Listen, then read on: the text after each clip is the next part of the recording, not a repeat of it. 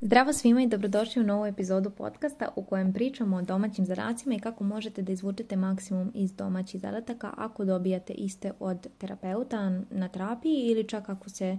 trujete trudite da radite na sebi i ne znam, pohođete neki program i sad dobijete neka pitanja na koje treba da odgovorite. E, jako, jako su važna i mogu vam doprineti mnogo u vašim životima.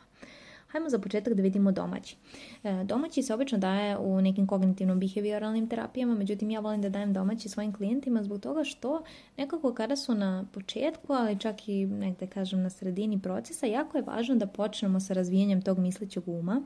E, i on se naravno razvija tako što klijent se uči da, kao što sama reč kaže, da misli. Odnosno, domaći služi da ima nešto da misli između sesija i da mu se ta navika ustali. Znači da onda čak i kada nema, kada ne budem ja dala pitanja, da on kaže, e,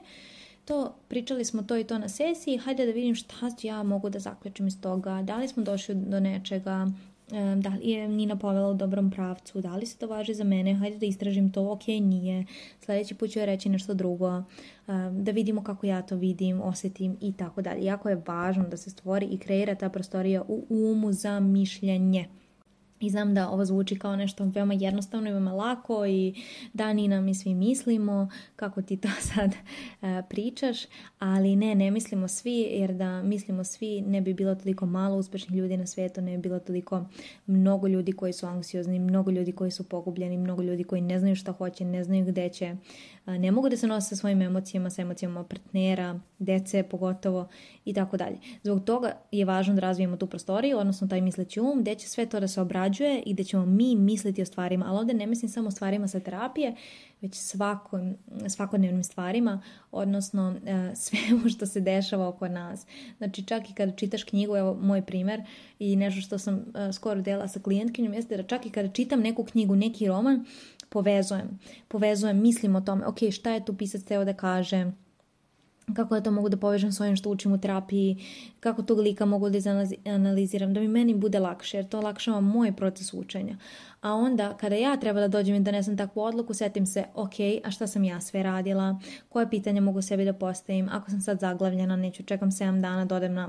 terapiju da se odglavim, jer nekada nije, nije lako ili ne, šta god, evo desilo se da mi je terapeutkinja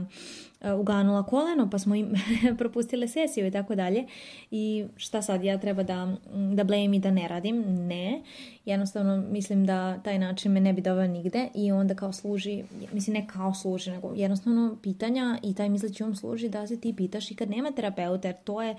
to je način da se izvežbaš i da nakon dve godine terapije eh, dve, dve i po, napraviš pauzu i da vidiš gde si, šta si i kako možda nastaviš dalje i da, naravno, ne ideš na terapiju, ti neće zauvijek biti potreban terapeut. Hajde da se vratimo par koraka unazad, odnosno malo te na sam početak i da malo razradimo čemu još služi domaći. Osim toga što naravno razvija misleći um, to je nekako po meni glavno, a sa druge strane, domaći služi da imaš neke osjećaj kontrole i imaš neki osjećaj uspeha. Više bih rekla uspeha u, u samom procesu terapije zbog toga što čak kada se ne osjećaš dobro, čak i kad ti nije ni do čega, čak i kad ti se ne radi ništa ili imaš loše dane ili se obrađuju jako teške teme, e, tako što sedneš, uradiš nešto, e, uradiš taj domaći i kažeš ok, uradila sam nešto za sebe, uspela sam, bavim se sobom i nema veze što nisam uradila neke druge stvari, ali bar sam ovdje i trudim se. Druga stvar jeste da domaći možda iskoristiš da pratiš svoj progres, odnosno svoj napredak uh, u terapeutskom procesu. Naravno, uh, terapeutski proces nije linearan, uh, ja ga zamišljam kao neki brdoviti put i nekad smo gore, nekad smo dole, nekad um, slavimo uspeh, nekad se jako frustriramo, ne možemo da se pomerimo ili ne možemo da skontamo šta je tačno tu, ali kada pogledaš e, nekako svoj put i kada vidiš razliku između domaćeg i razliku što si, na primjer, pisala kada sam ti dala domaće, što si pisala, ne znam, u julu e, prošle godine, a što si pisala e, sada u februaru, vjerujem da ćeš doći na neko zaključka, verujem da ćeš moći da vidiš koliko si napredovala, jer nekada je ljudima jako teško da sagledaju svoj napredak u terapiji, jer se on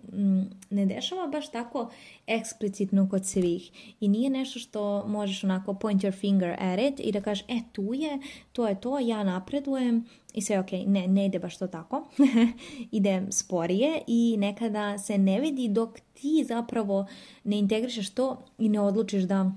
pokažeš, jer neće se ono toliko vidjeti s polja. Znači, mi radimo ovdje na umu i na glavi i onda kad se stvari poslaže u glavi, onda će se promijeniti nešto s polja ali veoma je važno prvo da ih posložimo u umu. Tako da, eto, to je bilo za broj 2. E, e, iskoristi da pratiš svoj napredak i da vidiš kako si nekad, na primjer, odgovarala na pitanja, kako sada. E, šta bi sada napisala na ta pitanja i to je isto super stvar, jer verujem da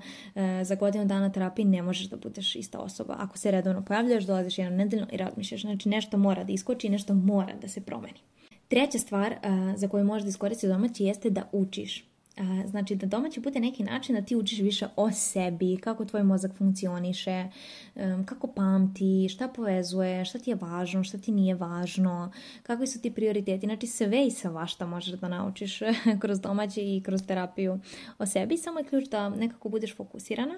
i da redovno ga radiš, znači da zaista kada ga dam, da ga uradiš i da razmišljaš o tome šta si uradila i kako se to odnosi na tebe. I naravno da svemu tome pristupaš iz nekog detektivskog ugla i kažeš ok, jeste možda je sad teško, možda je naporno i ne radi mi se ili gde mi je ovo sad dala, ali ajde vidim što mogu da naučim iz ovoga o sebi a ne da bude fokus, ajde uradim da bih rekla nini da sam uradila. Ili svom terapeut. Nije dobro. Mislim, nije dobro. E, ne volim onako da, da budem crno bele i kažem ovo je dobro, ovo nije dobro. E, naravno e, nekome, e, nekome može to mnogo da otkrije, na primjer ako radi domaći zbog mene. Ako si došao na terapiju i sad mi kažeš da si domaći radila zbog mene, a ne zbog sebe, to je isto velika tačka sa kojom možemo da krenemo i da vidimo koje još stvari u životu ti radiš zbog drugih, a ne zbog sebe.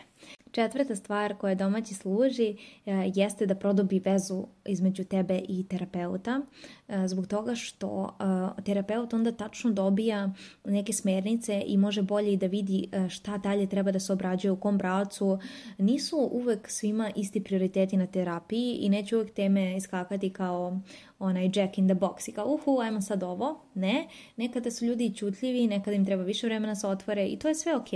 ali je ovako super zbog toga što onda može da se fokusiraš na jednu po jednu temu i da onako imate na, na svakoj seanci svojim terapeutom možda iskoristiš da, da vidiš šta je taj prioritet i da znaš gdje dalje hoćeš da ideš sa terapijom, gdje da te vodi, o čemu želiš da pričaš, šta želiš da rešiš i do kojih zaključaka si ti došao u tom domaćem što misliš da su važni.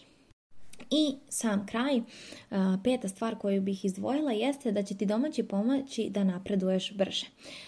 Zamisli kao da ideš u teretanu. I sad kad ideš u teretanu, ako ti samo nastavljaš da se prešteravaš između sesija, da ne šetaš, da ne poštuješ, ne znam, taj režim ishrane, da sve jednostavno ne baviš svojim telom, već odeš samo kada su treninzi i odradiš, ne znam, jedan ili dva treninga, e, ćeš napredovati nego ako razmišljaš o sebi, svom telu, ishrani, mindsetu iza toga i svemu ostalom e, i van e, teretane. E, isto tako važi i za terapiju. Znači, ne može požuruješ progres, to želim ovaj kako se zove da naglasim, znači ne možeš ideš brzo kroz terapiju, ali ono što možda uradiš jeste da imaš eh, neki trud koji je eh, konzistentan, znači koji je svakoga dana.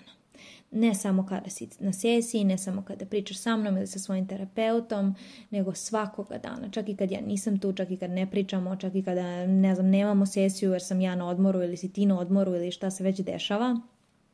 Naravno, ovo važi i za ljude koji ne idu kod mene, već idu na kod nekog drugog terapeuta, hoću to da kažem. E, jako je, ovo je možda i najvažniji, ali i najteži deo, e, zbog toga što treba svakoga dana, čak i kad ti se ne radi, da izabereš da promišljaš o nekoj stvari, e, da izabereš da se brineš o sebi, da izabereš da implementiraš to o čemu smo pričali, da izabereš da u tom trenutku pukneš prstom i kažeš, he, opet radim to što sam pričala, ajde vidimo šta smo se dogovorile, šta sam rekla tamo da bi mi pomoglo da ne radim to, hajde da probam to da uradim pa da mogu da dođem, ne znam, na terapiju sa nekim feedbackom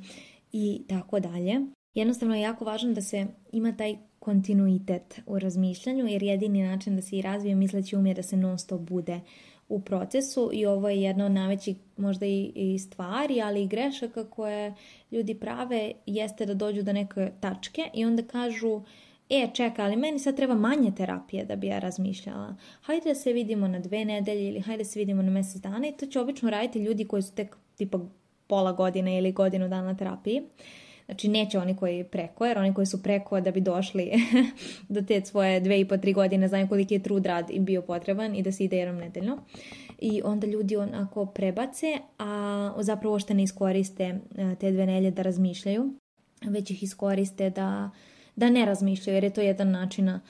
mehanizama odbrane. Naravno, ovdje hoću da naglasim da svako ima pravo da bira koliko hoće da ide na terapiju, e, koliko financijski u mogućnosti da plati, ali definitivno razmisli što je najbolje za tebe u ovom trenutku i e, govori sebi istinu, a to je da najrealnije i iz mog iskustva E, znam da nećeš razmišljati ako ideš e, dve nedelje e, i ako govoriš sebi da je to zato što da bi razmišljala, a zapravo ne znam, nemaš sredstava ili je nešto drugo u pitanju, jer da je tako onda bi došla poslije dve nedelje i počela da mi pričaš o svim zaključcima, ne znam šta si ti tu radila, šta si videla, šta si pisala, kako si ti to razmišljala, obično ne bude tako, obično klijent dođi kao mm, nema ništa novo. Tako da, eto, to je tih pet stavki koje ti mogu pomoći da maksimum iskoristiš e, domaće zadatke na terapiji. Naravno, to sve zavisi na koju vrstu terapije ideš i sa kakvim terapeutom radiš, ali samo polako. Naravno, ovo sve zavisi kod kog terapeuta ideš, kakvu vrstu terapije ideš, međutim, ono najglavnije i najvažnije jeste da ovaj sistem možeš da primeniš i u nekim drugim poljima, na primjer kada